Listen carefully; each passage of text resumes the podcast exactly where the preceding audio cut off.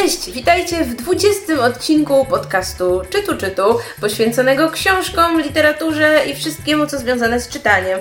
Witamy się z Wami w naszym tradycyjnym trzyosobowym składzie. Od lewej Megu z kanału Kratus Gikus, Kasia, autorka bloga Zwykły Kulturalny.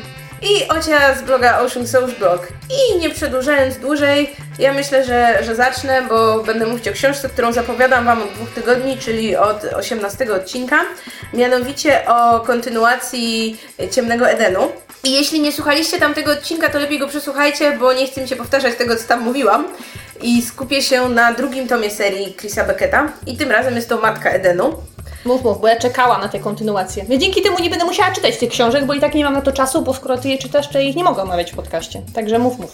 Tak więc wracamy do skąpanego w ciemności świata, gdzie rozwinęła się ludzka społeczność i lądujemy mniej więcej 4-5 pokoleń po tym, jak skończył się tom pierwszy. Autor nie mówi nam wprost, co stało się z bohaterami, których y, prowadził w tamtym tomie, ale dowiadujemy się między wierszami, jakie były ich dalsze losy, a teraz śledzimy już kolejnych ich potomków i śledzimy sytuację tak naprawdę zupełnie innym świecie niż, yy, niż świat, który opuszczaliśmy, kończąc lekturę tomu pierwszego. Mianowicie mamy Eden podzielony na dwie główne frakcje. Z jednej strony mamy Johnowych, którzy popłynęli za morze i odkryli jakby zupełnie nowy kontynent i tam się osiedlili. Oni są dużo bardziej zaawansowani już technologicznie. Oni wydobywają medal, proszę Państwa. Wakanda. I z drugiej strony mamy plemię Dawidowych, czyli tych, którzy zostali na starej ziemi, którzy wciąż wierzyli w taki stary porządek. I gdzieś tam mamy jeszcze takie dwie malutkie frakcje, które się wyłamały na jakimś etapie tego, tego podziału i oni tak, nie wszyscy wiedzą o ich istnieniu, oni sobie gdzieś tam żyją w takich swoich enklawach i nie wchodzą w konflikty. I naszą główną bohaterką jest niejaka gwiazdeczka Strumyk, która pochodzi z ziemi kolanowców. To jest taka wyspa właśnie na tym dużym morzu, o istnieniu której mało kto w ogóle wie. Oni sobie żyją w takiej małej, zamkniętej społeczności, wszyscy są równi, żyje im się tak skromnie, ale dobrze. Budują sobie łodzie, co jakiś czas handlują tymi łodziami, bo tam płyną do takiej pobliskiej placówki handlowej, ewentualnie ktoś tam czasem do nich zawita. I ona podczas jednej takiej wyprawy właśnie do takiego centrum handlowego, nazwijmy to, gdzie właśnie zjeżdżają się przedstawiciele przeróżnych, przeróżnych frakcji, wpada w oko synowi naczelnika właśnie z tego plemienia Johnowych, on się nazywa Zielonokamyk i on po prostu od razu stwierdza, że ona zostanie jego żoną, ona się godzi, bo to będzie taka wyprawa do nowego świata, ona jest taką trochę na początku, powiedziałabym, taką bohaterką disneyowską, która wie, że ona nie chce, ona chce przygód, ona chce czegoś nowego w swoim świecie, więc nie wraca ze swoimi pobratymcami na swoją małą wyspę i płynie do zupełnie nowej rzeczywistości. I my jej oczami poznajemy tę społeczność i o mój Boże, jakie to jest smutne. Po prostu to jest trochę tak, jakbyśmy czytali o połączeniu dzisiejszych czasów z takimi czasami feudalizmu. I to wszystko, co tam się dzieje, to jest takie totalne zaprzeczenie tej takiej początkowej równości, która panowała na Edenie i o której mogliśmy sobie poczytać w pierwszym tomie. I dowiadujemy się, jak to z tych przemian Johna, który tak naprawdę no, dążył głównie do postępu, dążył do tego, żeby technologia była lepsza. Mamy taki totalny ucisk patriarchalny, mamy niewolnictwo, mamy taki ostracyzm społeczny, gdzie wszystkie jednostki zdeformowane, a jak wiemy, no to w tej y, społeczności co chwila pojawiają się ludzie z jakimiś anomaliami genetycznymi, tak, bo wszyscy wywodzą się od pary ludzi, więc ta pula genowa jest bardzo niewielka. Ci ludzie są totalnie spychani na margines i wysyłani do... Od, dzieci są odbierane rodzicom i wysyłane do jakichś tam najcięższych prac gdzieś tam. Kobiety nie mają absolutnie nic do powiedzenia i tak jak w pierwszym tomie był w była wpanowana na przykład w tym świecie y, taka swoboda seksualna, że generalnie ludzie y, łączyli się w krótsze bądź dłuższe związki lub po prostu umawiali się na jakieś spotkania z kim tylko chcieli i jakby to ta kobieta była tą stroną decydującą.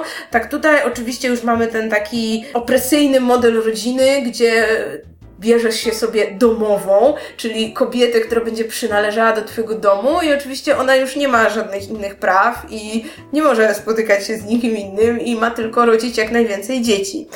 I jak czytałam to wszystko, to było mi tak strasznie smutno, bo ta książka w żadnym momencie nie jest już eskapizmem. Ona jest takim, taką smutną po prostu socjologiczną konstatacją obecnych czasów i wszystkiego co złe. I, i ta nasza biedna bohaterka, która pochodzi właśnie z tego idealistycznego świata i zostaje wrzucona w to bagno, my jej tak współczujemy. I ona próbuje pozostać taką dobrą osobą, próbuje prowadzić do tego świata coś dobrego, no bo w końcu jest, wiecie, żoną przyszłego wodza. I teoretycznie wydawałoby się, że ma tam coś do powiedzenia w tej społeczności, wszyscy ją uważają za taką matkę, cześć jej prawie oddają. from Nie, no serce mi się krajało i to jest trochę niestety wada tej książki, bo wydaje mi się, że, że za mało to trochę niuansów i za dużo jednak tego odejścia od y, tych aspektów fantastycznych, bardziej obecnych w pierwszym tomie, jak na przykład ten aspekt światotwórczy, to poznawanie tej lokalnej fauny i flory. Tu jest tego dużo, dużo, dużo mniej,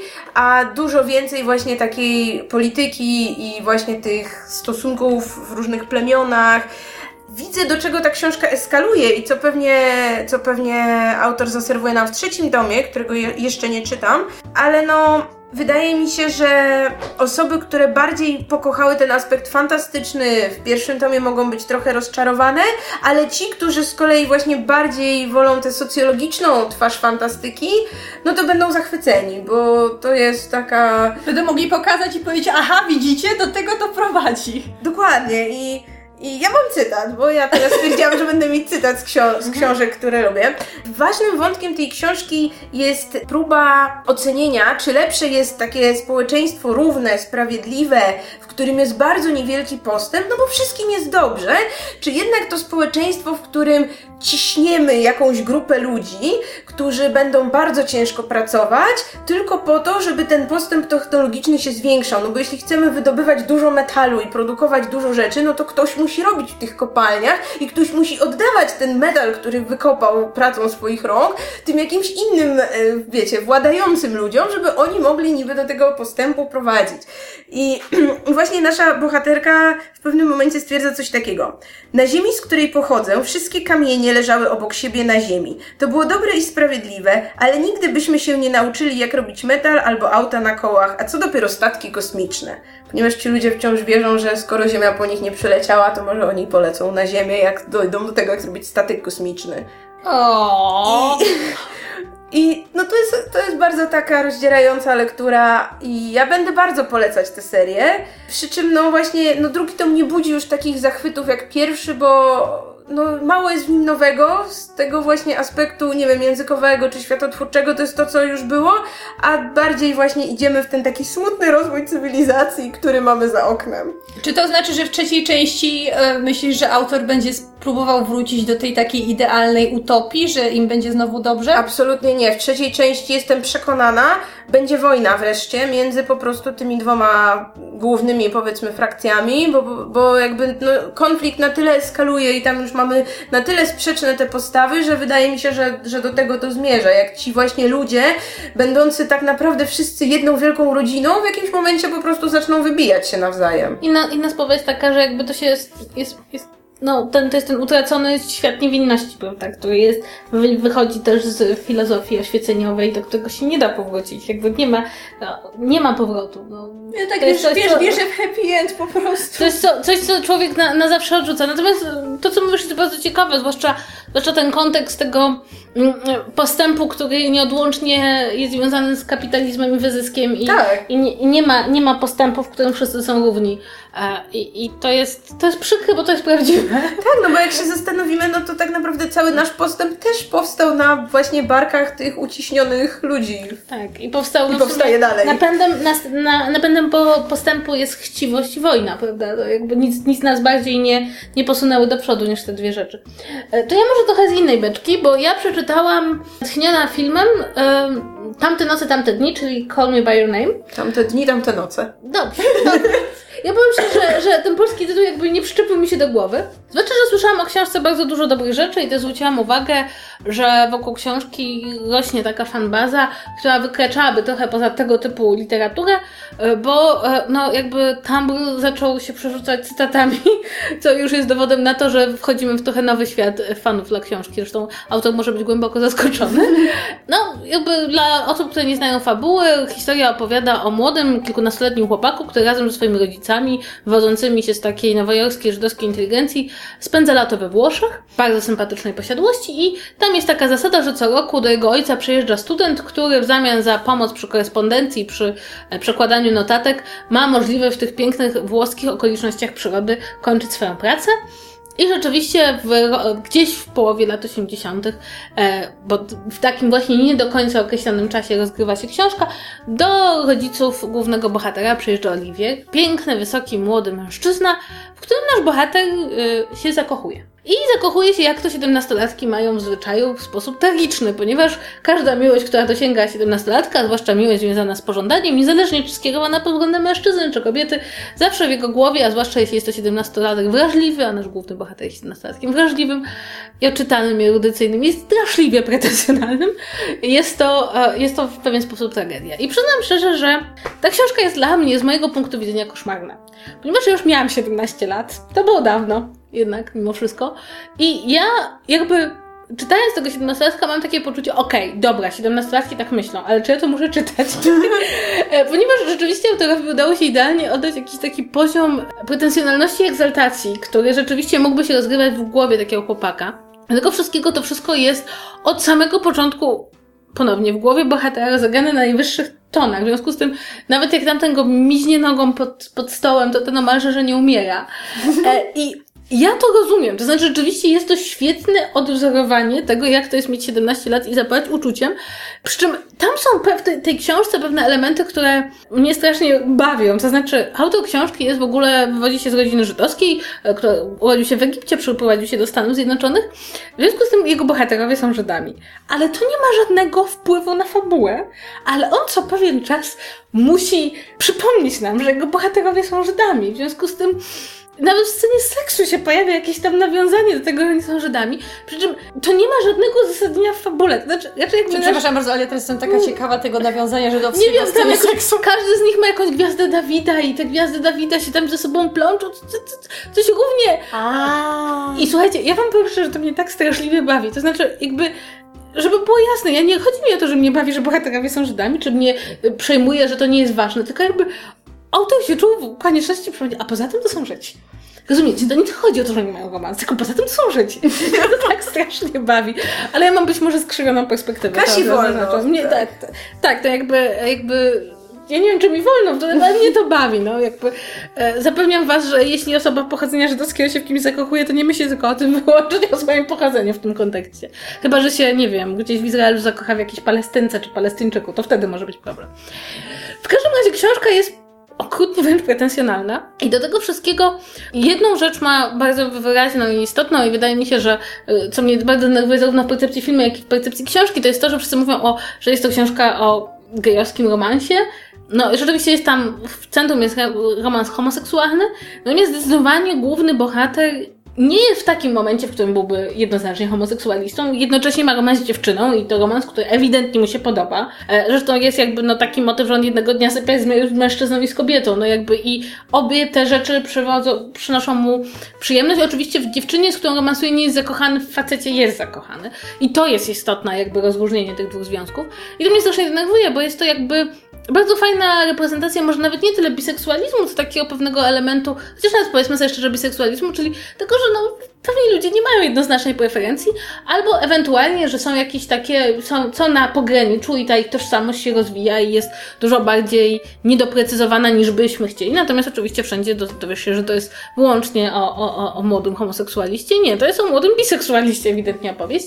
Natomiast rzecz, która mnie naprawdę jakby wzruszyła, to jest to o ile lepszy scenariusz filmu, co rzadko się zdarza. To znaczy, jestem, jestem pod wrażeniem, jak James Ivory, mając 83-4 lata, był w stanie z tej historii o egzaltowanym 17-latku, który naprawdę jest cierpi na koszmarny słowotok i, i, i gonitwę myśli, wyabstrahować coś, co zdecydowanie wykracza poza wyłącznie pierwszą miłość młodego chłopaka. I Ale taki... przypomnij mi, autor scenariusza to nie jest jednocześnie autor książki. Nie, nie. Autorem scenariusza jest James Ivory, słynny, słynny scenarzysta, który razem z Marshantem, w takiej słynnym duecie Marshant-Ivory, byli odpowiedzialni za najlepsze ekranizacje literatury, łącznie z, na Zaokruchy Dnia byli też odpowiedzialni, więc e, autor książki ma imię i nazwisko na A, jak superbohater, ale nie pamiętam jak się nazywa, ale to nie są te dwie te same osoby. A, no i jeszcze jest jedna bardzo poważna różnica między książką a filmem, to znaczy książka pokazuje nam co się działo przez naj... następne lata, potem, po tym jednym lecie, które nasi bohaterowie spędzili, przez następne 20 lat w ich życiu.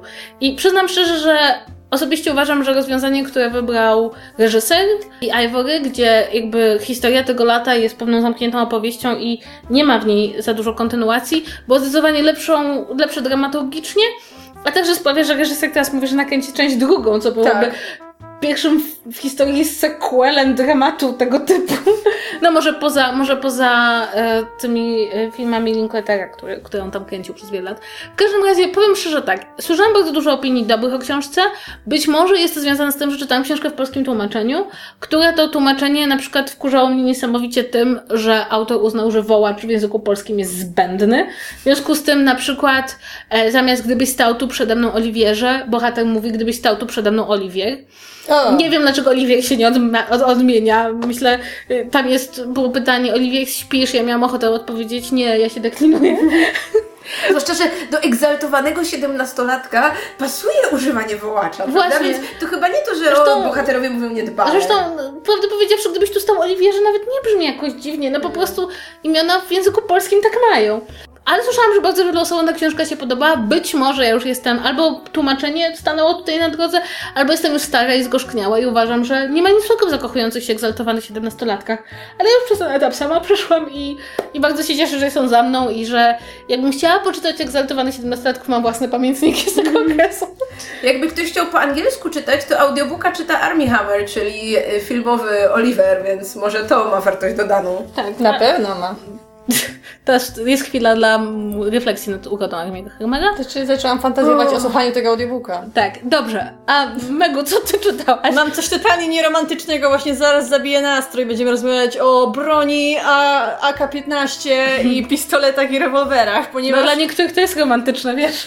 No w sumie, przecież Co za męską książkę przeczytałaś? cały segment chyba y, muzyki country jest przeznaczony wychwalaniu broni pod niebiosa. Ten drugi segment jest y, poświęcony traktorom Johna Deera, ale... I trzeci... miłością do koni. Nie, nie, nie. Przede wszystkim najważniejszą elementem muzyki country jest to, że pies zdechł. No więc pies, pies zdechł i na jego cześć oddajemy salwę honorową z tego AK-15. Przeczytałam, y, wciąż czytam, bo jeszcze nie skończyłam. Reportaż wydany przez wydawnictwo czarne pod tytułem Wolność i spluwa. Podróż przez uzbrojoną Amerykę autorstwa Dana Bauma, która tak się przykro złożyła, została wydana dwa tygodnie po, po ostatniej głośnej strzelaninie w USA w Portland, coś takiego. Na Florydzie. Na, na Florydzie. I to jest książka, która została wydana w 2013 roku i ma być taką troszeczkę opowieścią drogi o tym, jak nasz narrator, nasz autor postanawia odbyć taką krótką podróż przez Amerykę, rozmawiając z różnymi ludźmi, którzy fascynują się bronią, którzy reprezentują tę frakcję, która nie jest za ograniczaniem dostępu do broni, którzy strzelają hobbystycznie, uprawiają polowania i tak. Sam jest liberałem, który lubi strzelać, więc on y, niby ma reprezentować obie postawy, to znaczy jednocześnie jest za większym ograniczeniem prawa dostępu do broni, a z drugiej strony nie chce, żeby ona była całkowicie zakazana, ponieważ jest to coś, co jemu również sprawia przyjemność i coś, co on sam e, rozumie.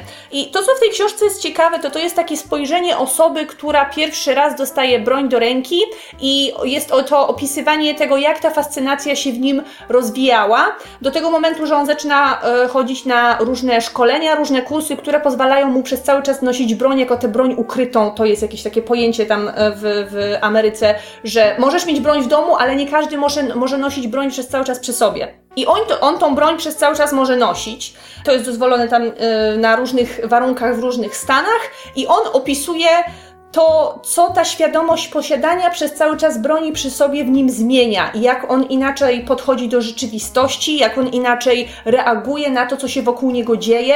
I to jest, to jest coś takiego, co nam, osobom, które w ogóle do broni nie mają dostępu, fajnie może posz- poszerzyć horyzonty i może pomóc odrobinę zrozumieć to, dlaczego Amerykanie tak z taką powagą i z takim namaszczeniem podchodzą do tego prawa do, do posiadania broni, bo on się wypowiada o tym w taki sposób, sposób, że ludzie, którzy mają dostęp e, do broni, którzy mogą ją nosić ze sobą przez cały czas, to są tacy obrońcy społeczeństwa, to są ci ludzie, którzy mają wyostrzone zmysły, którzy są wiecznie czujni i to są ci, którzy e, przez, e, przez tą broń dostępują tego, tego, tego takiego obowiązku strzeżenia innych, ale przez to mają też szacunek do tego, jak tą broń powinno się wykorzystywać. I to są ci ludzie, którzy po nią bez powodu, bez dostatecznego powodu nigdy nie sięgną.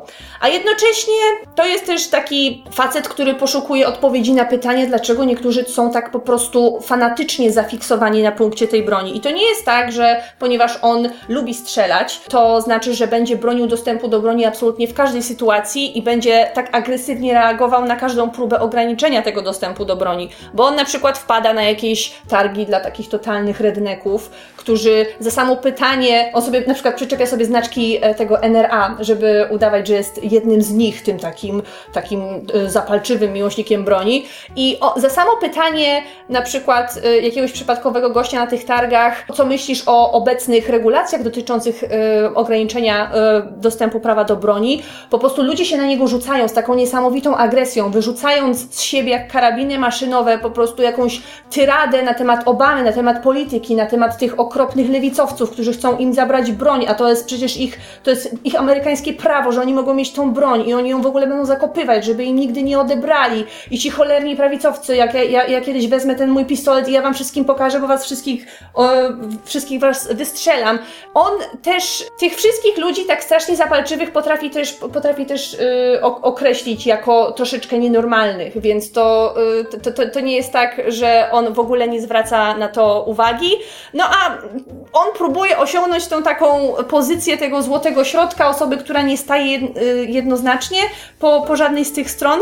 No i dla osoby, która nie lubi broni, ja teraz mówię o sobie, która ma jakieś jednoznaczne poglądy na temat tego, y, co Ameryka y, źle robi ze swoim bardzo szerokim i łatwym do tej broni dostępem, miejscami tę książkę czyta się ciężko, bo na przykład pojawiają się w niej takie momenty, kiedy on chodzi na polowanie i kiedy on opisuje to polowanie, kiedy ze swoją żoną strzelają do łani, a potem mówią o tym, jakie to jest cudowne, że ja mogę wziąć to kawał gorącego mięsa i on jeszcze pulsuje tym życiem i pulsuje tą krwią, ale jednocześnie jestem przepełniony wdzięcznością dla tej łani, że ona dla mnie oddała to życie i że ja ją mogę teraz wziąć. I to są po prostu takie rzeczy, których ja nigdy w życiu nie zrozumiem. Hmm. I, I kiedy ktoś mi w takim nabożnym tonie opisuje akt zamordowania zwierzęcia, to to jest to jest ten moment, kiedy zaczynam trochę nie, nie tylko nie rozumieć, ale nie lubić tej osoby. Dlatego czytanie tej książki to jest takie mm, nieustanne konfrontowanie się z własnym podejściem do używania broni, do posiadania broni i to jest takie dosyć, myślę, fajne ćwiczenie na tolerancję, ale jednocześnie żałuję, że ta książka nie została napisana teraz, albo że nie zostanie napisana w ciągu następnych paru miesięcy, bo e, wydaje mi się, że obecna sytuacja w USA i obecne dysputy na temat e, dostępu do broni mogłyby bardzo zmienić to, jak autor do tego wszystkiego podchodzi, bo to jest na przykład książka napisana przed Sandy Hook, czyli e, przed, e, przed tymi wszystkimi strzelaninami, które ostatnio były w, w klubie gejowskim na koncercie w Teksasie, więc to nie był jeszcze aż taki gorący okres w czasie pisa pisania tej książki. Myślę, że dzisiaj by to napisał trochę inaczej. Zwłaszcza, że mówi się w takiej dyskusji, o, o, zwłaszcza po Sandy Hook, gdzie zginęły dzieci ze szkoły podstawowej, że dyskusja o posiadaniu broni, taka naturalna dyskusja o posiadaniu broni w Stanach Zjednoczonych trochę się zginęła. Trochę jakby skończyła się przy Sandy Hook, kiedy okazało się, że prawo do posiadania broni jest dla ludzi ważniejsze niż życie małych dzieci. I, yy, I to jest troszeczkę prawda. To znaczy, w tym momencie bardzo wiele osób, i mam wrażenie, że dlatego kolejne strzelaniny i to, co się stało teraz na Florydzie, spowodowało taki odzew od samych nastolatków. Zdaję sobie sprawę, że to już troszeczkę przeszło przez granicę, kiedy tutaj dyskutujemy o czymś, a doszło do tego, że są właśnie ci, którzy są strzelali do tych paskudnych lewaków. I, I ludzie, którzy nawet proponując ustawodawstwo, które nikomu nie zabiera całej broni, będą oskarżani o zabieranie praw obywatelskich. A za tym wszystkim kręci się jeszcze NRA, która jest po prostu niesamowitą organizacją, która jest teoretycznie lobbyingowa, praktycznie ma w kieszeni po prostu ludzi. Więc warto wiedzieć więcej, dlatego że akurat 24 bodajże marca ma być wielki marsz e, młodych ludzi. Tak. E, I, I prawdę powiedziawszy, być może przeczytanie tej książki właśnie w najbliższych dniach pozwoli zrozumieć lepiej, co tak właściwie się będzie działo, bo być może będą się działy rzeczy, które pozwolą w jakiś sposób coś zmienić, albo przynajmniej staną się punktem, za którego nie będzie można już w ten sam sposób dyskutować. Co z drugiej strony już wielokrotnie nam się wydawało, że doszliśmy, a nie doszliśmy. Także timing wydania tej książki jest bardzo smutny, a jednocześnie myślę, że może wielu osobom ułatwić zrozumienie całej problematyki tematu, także e, ja osobiście bardzo polecam, bo czyta się ją bardzo fajnie, autor ma bardzo, e, bardzo fajny sposób budowania narracji, opowiadania o swoich współrozmówcach, także poszukajcie ich w księgarniach. Wolność i spluwa od wydawnictwa Czarne w genialnej serii amerykańskiej, z której można w ciemno kupować wszystko. Jak zresztą wszystko od wydawnictwa Czarne. Może nie, bo w tej biało-czarnej serii czasem się koszy. A nie wiem, to ja tej nie, nie czytałam. Ja czytam tylko reportaże i serię amerykańską, bo są wszystkie świetne. E, tak, natomiast seria amerykańska jest fenomenalna. No i słuchajcie, i w ten sposób omówiłyśmy już książki, które czytałyśmy w tym tygodniu i dochodzimy do tematu głównego, a temat główny przedstawi Ocia, ponieważ Ocia jest jedną osobą, która ma notatki. Tak, temat główny dzisiejszego odcinka brzmi Sensitivity Readers. Jeśli Wam to nic nie mówi, to nie martwcie się, postaramy zaraz wszystko wyjaśnić. Ostatnimi czasy dużo się mówi o tym, by książka nikogo nie obrażała i by autor pisał o rzeczach, o których ma pojęcie. Co brzmi całkiem rozsądnie. To znaczy, jeśli autor postanowi, że w jego książce wystąpi przedstawiciel jakiejś mniejszości albo przedstawiciel jakiejś kultury, z której autor sam się nie wywodzi, to by jego pisanina miała ręce i nogi, by nie była pełna stereotypów, uprzedzeń i by y, nikt y, nie poczuł się źle czytając taką książkę, sam będąc właśnie przedstawicielem jakiejś opisywanej grupy. No i co może zrobić taki autor, gdy na taki problem natrafi? Może wynająć tak zwanego wrażliwego czytelnika, tudzież czytelnika wrażliwości, bo nie ma jeszcze tego ustalonego polskiego terminu, którym będziemy określać sensitivity readers, i za niezbyt wygórowaną opłatę, tam w zależności od warunków, od około, nie wiem, 100 do 500 dolarów za manuskrypt, może wynająć osobę, której teoretycznie omawiany problem w książce, czy y, jakaś tam przynależność bohatera, bohaterki jest faktycznie bliska, stanowi codzienność dla tej osoby, no i ten czytelnik oceni, czy to, co mamy w książce jest w jakiś sposób sprawiedliwe, nie jest właśnie stereotypowe, nie jest krzywdzące y, i ewentualnie też podpowie autorowi, co zmienić. No a gdy autor, dajmy na to, w swojej książce ma, nie wiem, przedstawicieli różnych mniejszości, no to oczywiście może wynająć kilku takich sensitivity readerów, którzy będą tam specjalizować się w różnych, nie wiem, aspektach, czyli przypuśćmy, nie wiem, przedstawiciele jakiejś religii, czy właśnie przedstawiciele jakiejś kultury, przedstawiciele jakiejś mniejszości seksualnej i tak dalej, i tak. No i pytanie, jakie to przed nami stawia, właściwie to tych pytań jest kilka. No pierwsze takie, czy to w ogóle ma sens? Czy pisarz, pisarz powinien się jakby przed kimś w jakimś sensie spowiadać? Czy może sobie pisać co chce? Czy może pisać o rzeczach, o jakby, które nie są jego doświadczeniami? I w jakim momencie możemy mówić o jakiejś już, nie wiem, cenzurze i o jakimś takim zbytnim strachu przed poprawnością polityczną hurdur? A w jakim momencie to jest uzasadniona taka jednak troska o to, żeby każdemu czytało się tę książkę dobrze i żeby właśnie nie powielać jakichś takich szkodliwych yy, przekłamań? Znaczy, ja bym chciała zacząć od tego, że ja mam wrażenie, że niezależnie od tego, co się wydaje czytelnikom, to tacy sensitive readers istnieją od bardzo dawna, tylko nie mieli po prostu nazwy. Bo Bardzo wielu rozsądnych autorów e, książek, które poruszały tematy jakichś mniejszości, jakichś grup bardzo konkretnych, bardzo często dawało swoje książki do przeczytania naukowcom zajmującym się tymi grupami, osobom, które należały do takich grup. Bardzo często także redaktorzy, dobrzy redaktorzy, na przykład szli o krok dalej i mówili, słuchaj, tutaj powiedzmy opisujesz takiego bohatera, czy to nie jest na przykład za bardzo stereotypowe, czy masz potwierdzenie, że takie rzeczy rzeczywiście się dzieją. Więc jakby powiedzmy sobie szczerze, od czasu, kiedy istnieje taki, no, bardziej skomplikowany proces redakcyjny niż napisałem, wydaje, tacy, taki, taki nawet sam pomysł przedstawiania swojego tekstu ludziom, zanim się go wyda, żeby go przeczytali, ocenili, jest wpisany w wydawanie. Jakby już pomijając wszystko, bardzo dużo książek ma recenzje wydawnicze, e, bardzo dużo książek ma tą recenzję, którą w pewien sposób daje redaktor, czytając książkę. A redaktorzy też w pewien sposób spełniają rolę sensitive readers, to znaczy są bardziej wyczuleni niż zwykły czytelnik na rzeczy, o które ewentualnie mógłby się autor potknąć. Więc jakby chciałabym zaznaczyć, że tutaj to nie jest aż tak nowe, jak mogłoby się wydawać. E, Część osób, które jakby nie mają nic wspólnego z wydawaniem książek i wchodzą do świata, jak to ktoś czyta książkę, zanim została wydana? Otóż nie, I zanim poprawia, jakby dodaje uwagi, tak? Autor ma coś zmieniać, bo ktoś mu tak powiedział. Tak, ogólnie rzecz biorąc, powiedzmy sobie szczerze, to już się zdarzało częściej. Inna sprawa jest taka, jak potraktujemy, przynajmniej w mojej opinii, co taki sensitive reader miałby zrobić.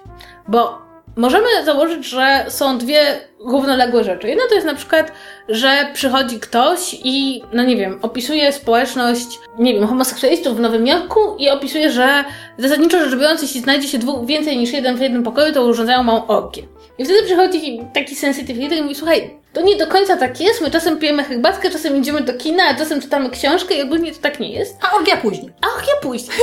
I wtedy jakby autor może powiedzieć, naprawdę, serio, jakby Nie wiedziałem. Nie wiedziałem, jedyna rzecz, która do mnie docierała, to, że wśród homoseksualistów są ciągłe orgie, cholera jasna, jakby cała koncepcja książki się rozpadła. Czy na przykład, jeśli autor chce pisać, powiedzmy, o wyznawcach innej religii i powiedzmy zakłada, że jeśli jest napisane, powiedzmy, nie wiem, zakaz spożywania, dajmy na to wieprzowiny, to każdy przedstawiciel tej religii się ściśle trzyma i wtedy przychodzi taki sensitive i mówi, słuchaj, Prawda jest taka, że jak jesteśmy w domu na święta, to nikt wieprzowiny nie zje.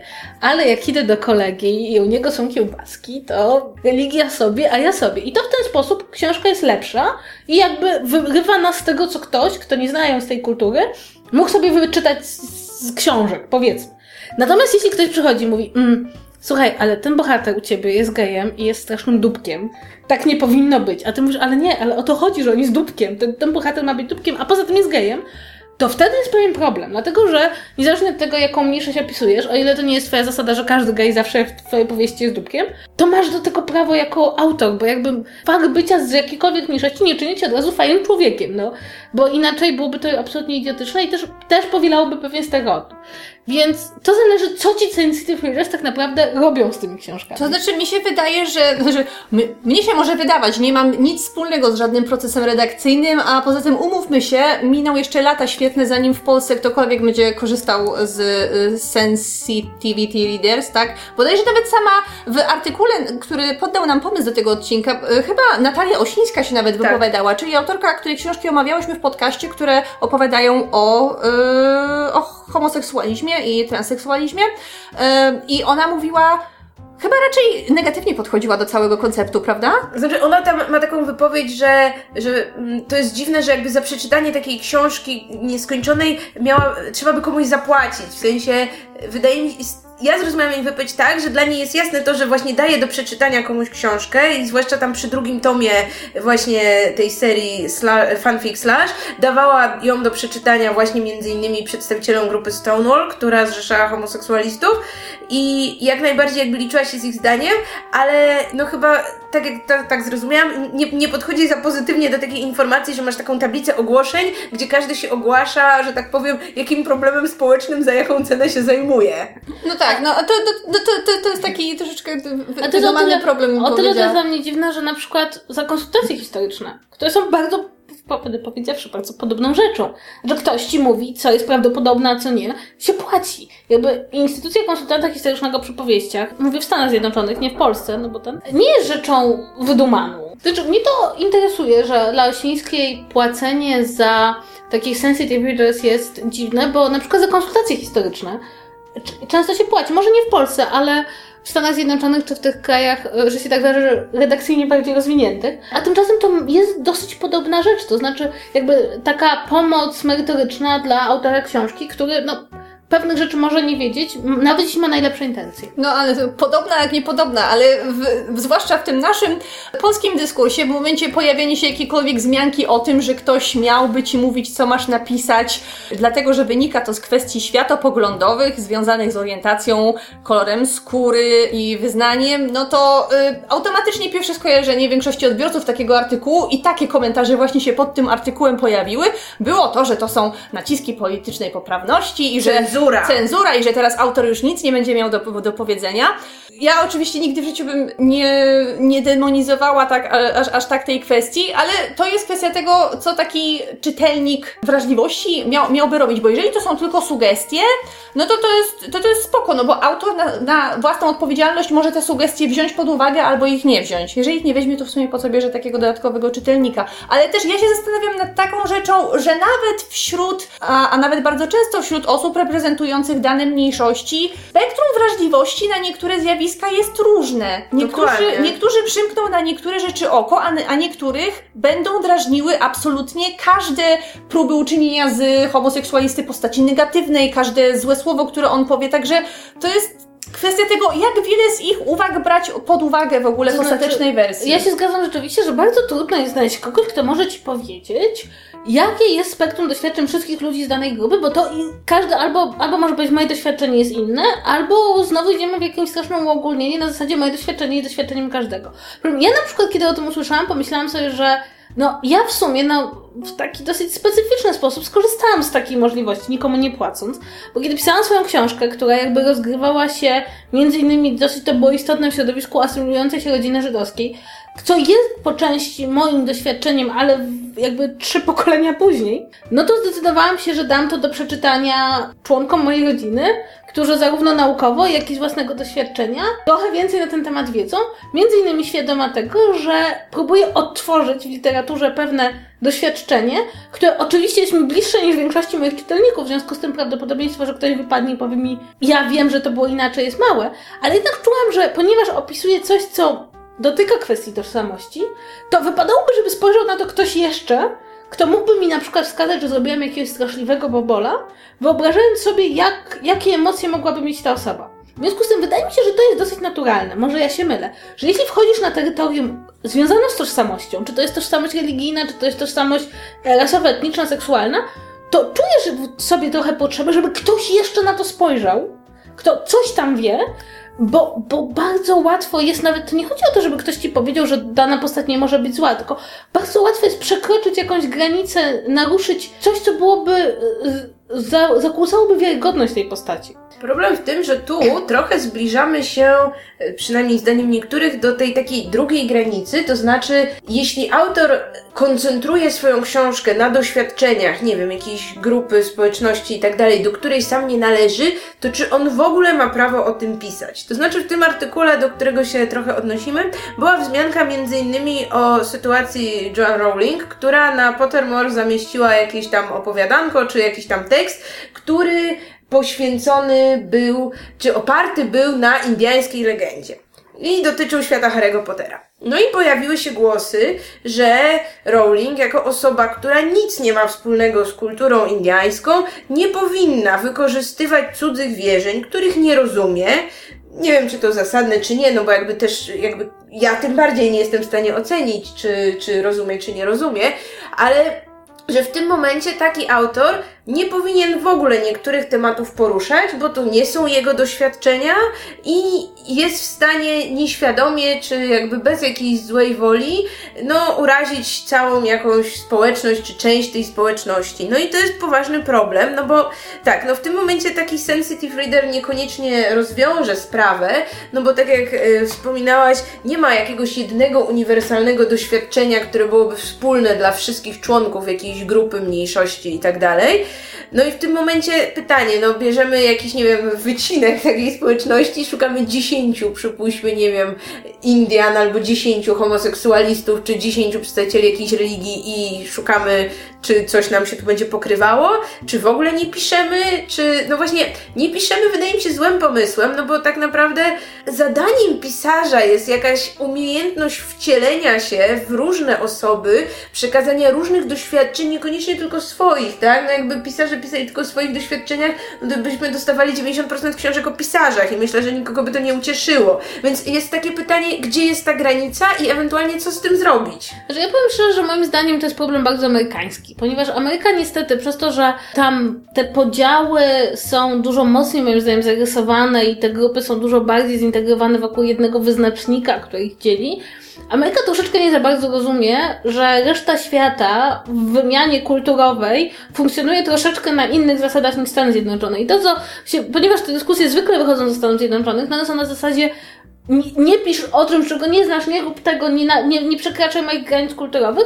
No między innymi dlatego, że tam jakby te wszystkie podziały kulturowe, które istnieją w Stanach Zjednoczonych są, wyzna- są zupełnie inaczej wyznaczone i też te tożsamości się troszeczkę inaczej kształtują, prawda, ta, ta, ta, ta irracjonalny pomysł Amerykanów, żeby liczyć każdego przodka jako jesteś w jednej szesnastej Portugalczykiem, to jakby u nas bardziej to przynależności narodowe o tym decydują. W związku z tym mam wrażenie, że w ogóle ten wątek nie pisz o grupach, których kto, o grupie, do której osobiście nie należy, jest bardzo mocno związany przejawem pewnej amerykańskiego spojrzenia w ogóle na tożsamość, która moim zdaniem nie do końca sprawdza się w Europie. Problem polega na tym, że ja uważam, że absolutnie autor ma prawo sobie wyobrazić i też jak sobie przypominam, jeden z najlepszych portretów literackich kobiet napisali mężczyźni, co jakby świadczy o tym, że można przekroczyć granice płci. Jeden z najlepszych portretów literackich mężczyzn napisały kobiety. W związku z tym, czy na przykład ludzie pisali na, o przedstawicielach innych klas społecznych, to czasem wymaga dużo większego użycia wyobraźni niż po prostu, niż po prostu e, przekroczenie nawet granicy koloru skóry czy religii gdybyśmy mieli założyć, że nikt nigdy nie może pisać o innej grupie społecznej, z której pochodzi, to nie jesteśmy praktycznie żadnych książek o nizinach społecznych, bo z nizin społecznych bardzo rzadko wywodzą się pisarze, a w XIX wieku bardzo mało kto umiał pisać, a jednak mamy bardzo dobry portret tych grup społecznych, napisanych z pełnią zrozumienia. No nie wiem, jak chociażby u Dickensa, prawda? Dickens miałby o nich nie pisać, bo do nich nie należą. Natomiast jednocześnie ja uważam, że nigdy tekstowi nie zaszkodziło, jak ktoś go jeszcze przeczytał. I mam wrażenie, że tak naprawdę autorzy, i to wracam do tego, sami troszeczkę gromadzili wokół siebie grupę ludzi, których ufali, których wrażliwości ufali, których e, wrażliwości także czytelniczej ufali, żeby oni te książki, czy manuskrypty, czy jakieś pierwsze czy trzecie wersje czytali i dodawali swoje uwagi. I tak jak nie uważam, że istnieje jakikolwiek sensitive reader, który jest ci w stanie zapodać doświadczenie całej społeczności, to wiesz, że jeśli pokażesz swoją książkę 10 osobom i 10 osób wkurza ten sam paragraf, to zmień paragraf. Natomiast jakby problem polega też na tym, że troszeczkę nie wiemy, co tak naprawdę ci sensitive reader dodają. Bo ja uważam, że jeśli dodają informacje, jeśli dodają na przykład właśnie to, co, co podałam, jakieś takie szczegóły, których osoba z zewnątrz nie może wiedzieć, bo nikt o nich nie wie, bo są oczywiste w danej społeczności. Są rzeczy, które są absolutnie oczywiste w danej społeczności i wcale nie takie oczywiste w społeczności, która nawet patrzy na tą społeczność no to, no to to jest fajne. Z drugiej strony ja uważam, że każdej społeczności zawsze przydaje się spojrzenie z zewnątrz, ponieważ spojrzenie z zewnątrz obejmuje wzrokiem rzeczy, których sami nie widzimy. I to też jest dla mnie dodatek, że dlatego należy pisać o rzeczach, które nie są o tobie, bo w ten sposób patrzysz na innych i nawet jeśli to nie jest prawda, to przynajmniej te osoby się dowiadują, jak się ich postrzegać. To też jest ważne. Ja chciałam zaznaczyć, że w tym momencie to na rynku wydawniczym to jest zjawisko w tym oficjalnym kształcie dopiero kiełkujące, więc trudno jest mówić o tym, jakie zagrożenia mogą z tego wynikać, jakie tutaj granice, na przekroczenie jakich granic trzeba uważać, bo to jest tylko takie gdybanie na tym etapie. Mnie się wydaje, że sama obecność tych y, testerów wrażliwości i czytelników wrażliwości nie jest niczym złym. Złe byłoby dopiero odgórne narzucanie obowiązku wykorzystywania takich osób, najlepiej w jakiejś konkretnej liczbie i z jakichś konkretnych grup społecznych i zmuszanie autorów czy tam wydawnic, żeby przez taką kontrolę każdy, każdy, każdą książkę przepuszczać. No ale tak jak mówię, to jest, to jest coś, nad czym możemy się zacząć martwić dopiero jeżeli do, do, do tego dojdzie, o ile w ogóle, a na, na tym etapie to to jest taka fajna nowinka, która y, może pomóc książkom i pomóc autorom y, w tym, żeby jakąś większą inkluzywność wśród y, czytelników y, czyty, wykazywać. Tak, no bo też zakładam, że właśnie autor, większość autorów raczej nie ma na celu takiego, że tak powiem, obrażania przedstawicieli mniejszości czy grup, o których pisze, więc każda taka próba ewentualnego właśnie takiego, nie wiem, bycia bardziej, nie wiem, bardziej taktownym, czy bycia po prostu mniej stereotypowym, jest czymś pozytywnym tak naprawdę. Wydaje mi się, że są ludzie, którym to, nie, którym to trochę przeszkadza, zwłaszcza jeśli pochodzą z tych uprzywilejowanych grup i mówi się o tym, że no dzisiaj to już nie można z niczego pożartować, no no ledwo powiesz coś, to już ktoś czuje się urażony, albo te kobiety, albo ci geje i coś tam, coś tam. A moim zdaniem jednak taka większa wrażliwość jest czymś dobrym i czymś, na co powinniśmy patrzeć optymistycznie i niekoniecznie od razu szukać w tym zagrożeń dla jakiejś wolności słowa, czy właśnie cenzury, czy czegoś takiego. Ale wiesz, to jeszcze zależy od tego, w jaki, w jaki kontekst taki żart ubierzesz, bo to nie jest niczym złym umieszczenie żartu, powiedzmy, z homoseksualistów, czy dajmy na to z osób o pochodzeniu żydowskim w książce, ale jeżeli nie podkreślisz, że jest to szkodliwe i że może to kogoś obrazić, albo że jest to po prostu złe i osoba, która taki żart wygłosiła, nie, nie zachowała się dobrze, no to wtedy masz problem. Znaczy nie ma, jakby można żartować z Żydów i homoseksualistów, tylko kontekst nie musi być taki, że go potępiasz, tylko pokażesz w jakim kontekście te dowcipy są dopuszczalne. W pewnych grupach takie dowcipy są dopuszczalne, chociażby kiedy zbierze się żydowska rodzina i jest wyjątkowo No tak, no to jest zupełnie inny kontekst. Tak, ale to jest też ważne, żeby pokazać jakby, że... Bo kwestia polega na tym, że między innymi dlatego taki sensitive reader może być dobry, że pokaże Ci, że pewne mechanizmy wewnątrz grup, o których Ty nie masz pojęcia, funkcjonują inaczej niż patrzysz z zewnątrz. Paradoksalnie, sensitive reader może sprawić, że Twoja książka będzie mniej stereotypowo poprawna politycznie, niż bardziej. Bo jeśli przychodzi ktoś z jakiejś grupy i mówi Ci, słuchaj, za bardzo mi wygładziłeś tego muzułmanina, tak? My też mamy tego szalonego wujka, który mówi, że Al-Kaida może mieć rację i też wszyscy machamy na niego ręką. Tak samo jak ty masz, nie wiem, szaloną babcię, która słucha Radia Maryja. Radio Maryja Al-Kaida to nie jest to samo, ale to, to w ten sposób ty możesz dodać taką postać i powiedzieć, słuchajcie, ja wiem, że tam wam się wydaje, że ja tutaj naruszam jakieś tabu, ale rozmawiałem właśnie z osobami z tej społeczności i powiedzieli, że tak, że to się zdarza, ale nikt tych ludzi nie traktuje poważnie, albo mówi się, nie, ku, dyskutuj z wujkiem Ahmedem, wujek Ahmed wyjedzie do siebie i będziesz miał święty spokój. I moim zdaniem jakby o tym zapominamy, że insight nie oznacza, że będzie mniej treści kontrowersyjnych, ale może się ich pojawić więcej. To znaczy jakby może się okazać, że nie każda żydowska rodzina popiera politykę Izraela, mimo że byś tak napisał, żeby nikogo absolutnie nie urazić. I to też jest bardzo ważne, żeby pamiętać, że lepsze poznanie jakiejś społeczności paradoksalnie bardziej pokazuje, że ona jest zróżnicowana. Jeśli słabo znamy jakąś społeczność i piszemy o niej, żeby nikogo nie urazić, tak jak nam się wydaje, że nikogo nie urazi, bardzo często może się to skończyć, że nie napiszemy żadnej ciekawej postaci z tej społeczności, więc e, jakby trzeba, trzeba też pamiętać, że lepsze poznanie wcale nie oznacza, że będziemy pisali samymi gładkimi zdaniami, prawda? Nie ma bardziej gładko napisanych tekstów niż te, które wynikają z pewnych założeń odnośnie poprawności politycznej, niż z tego, co naprawdę ludzi urazi. I czy to jest ten moment, w którym kończymy nasz temat odcinka? No tak szczerze mówiąc, to ja nie wiem, czy mamy cokolwiek jeszcze tego do dodania? Jesteśmy ciekawi, co wy sądzicie i, i co byście nam powiedzieli, gdybyśmy chciały zatrudnić do naszych powieści Inclusive Readera. I też e, jakby w kontekście jeszcze jednej rzeczy, która to jest bardzo ważne do powiedzenia, zanim przyjdzie wam do głowy pomyślenie napisanie słowa cenzura, to przypomnijmy, cenzura jest systemowym zakazem publikowania pewnych treści, za które grożą ci sankcje prawne od zakazu publikacji po więzienie. Jeśli ktoś uważa, że lepiej czegoś nie publikować, to nie jest to cenzura, jest to być może autocenzura, która jest zawsze dużym problemem wśród autorów. Natomiast słowo cenzura nie odnosi się do sytuacji, w której ktoś uważa, że jakieś treści może nie będą najlepiej widziane. Cenzurę narzuca na ciebie państwo. W związku z tym, nawet jeśli ktoś ci skasuje komentarz na Facebooku, albo jeśli nie możesz czegoś wydać, bo rzucą się na ciebie krytycy, to jeśli możesz to wydać w inny sposób, własnym sumptem, jeśli możesz to napisać gdziekolwiek indziej, I nie, pójdziesz za to do i więzienia. nie pójdziesz za to do więzienia, ani zostaniesz pozwany do sądu, nie masz do czynienia z cenzurą. Właśnie dlatego to jest taki duży problem z korzystaniem z tego słowa, bo cenzura znaczy bardzo konkretną rzecz. Nie każdy problem z wyrażaniem swojego zdania w sposób, w jaki nam się podoba. I tym bardzo poważnym akcentem zakończymy 20 już odcinek Czytu Czytu.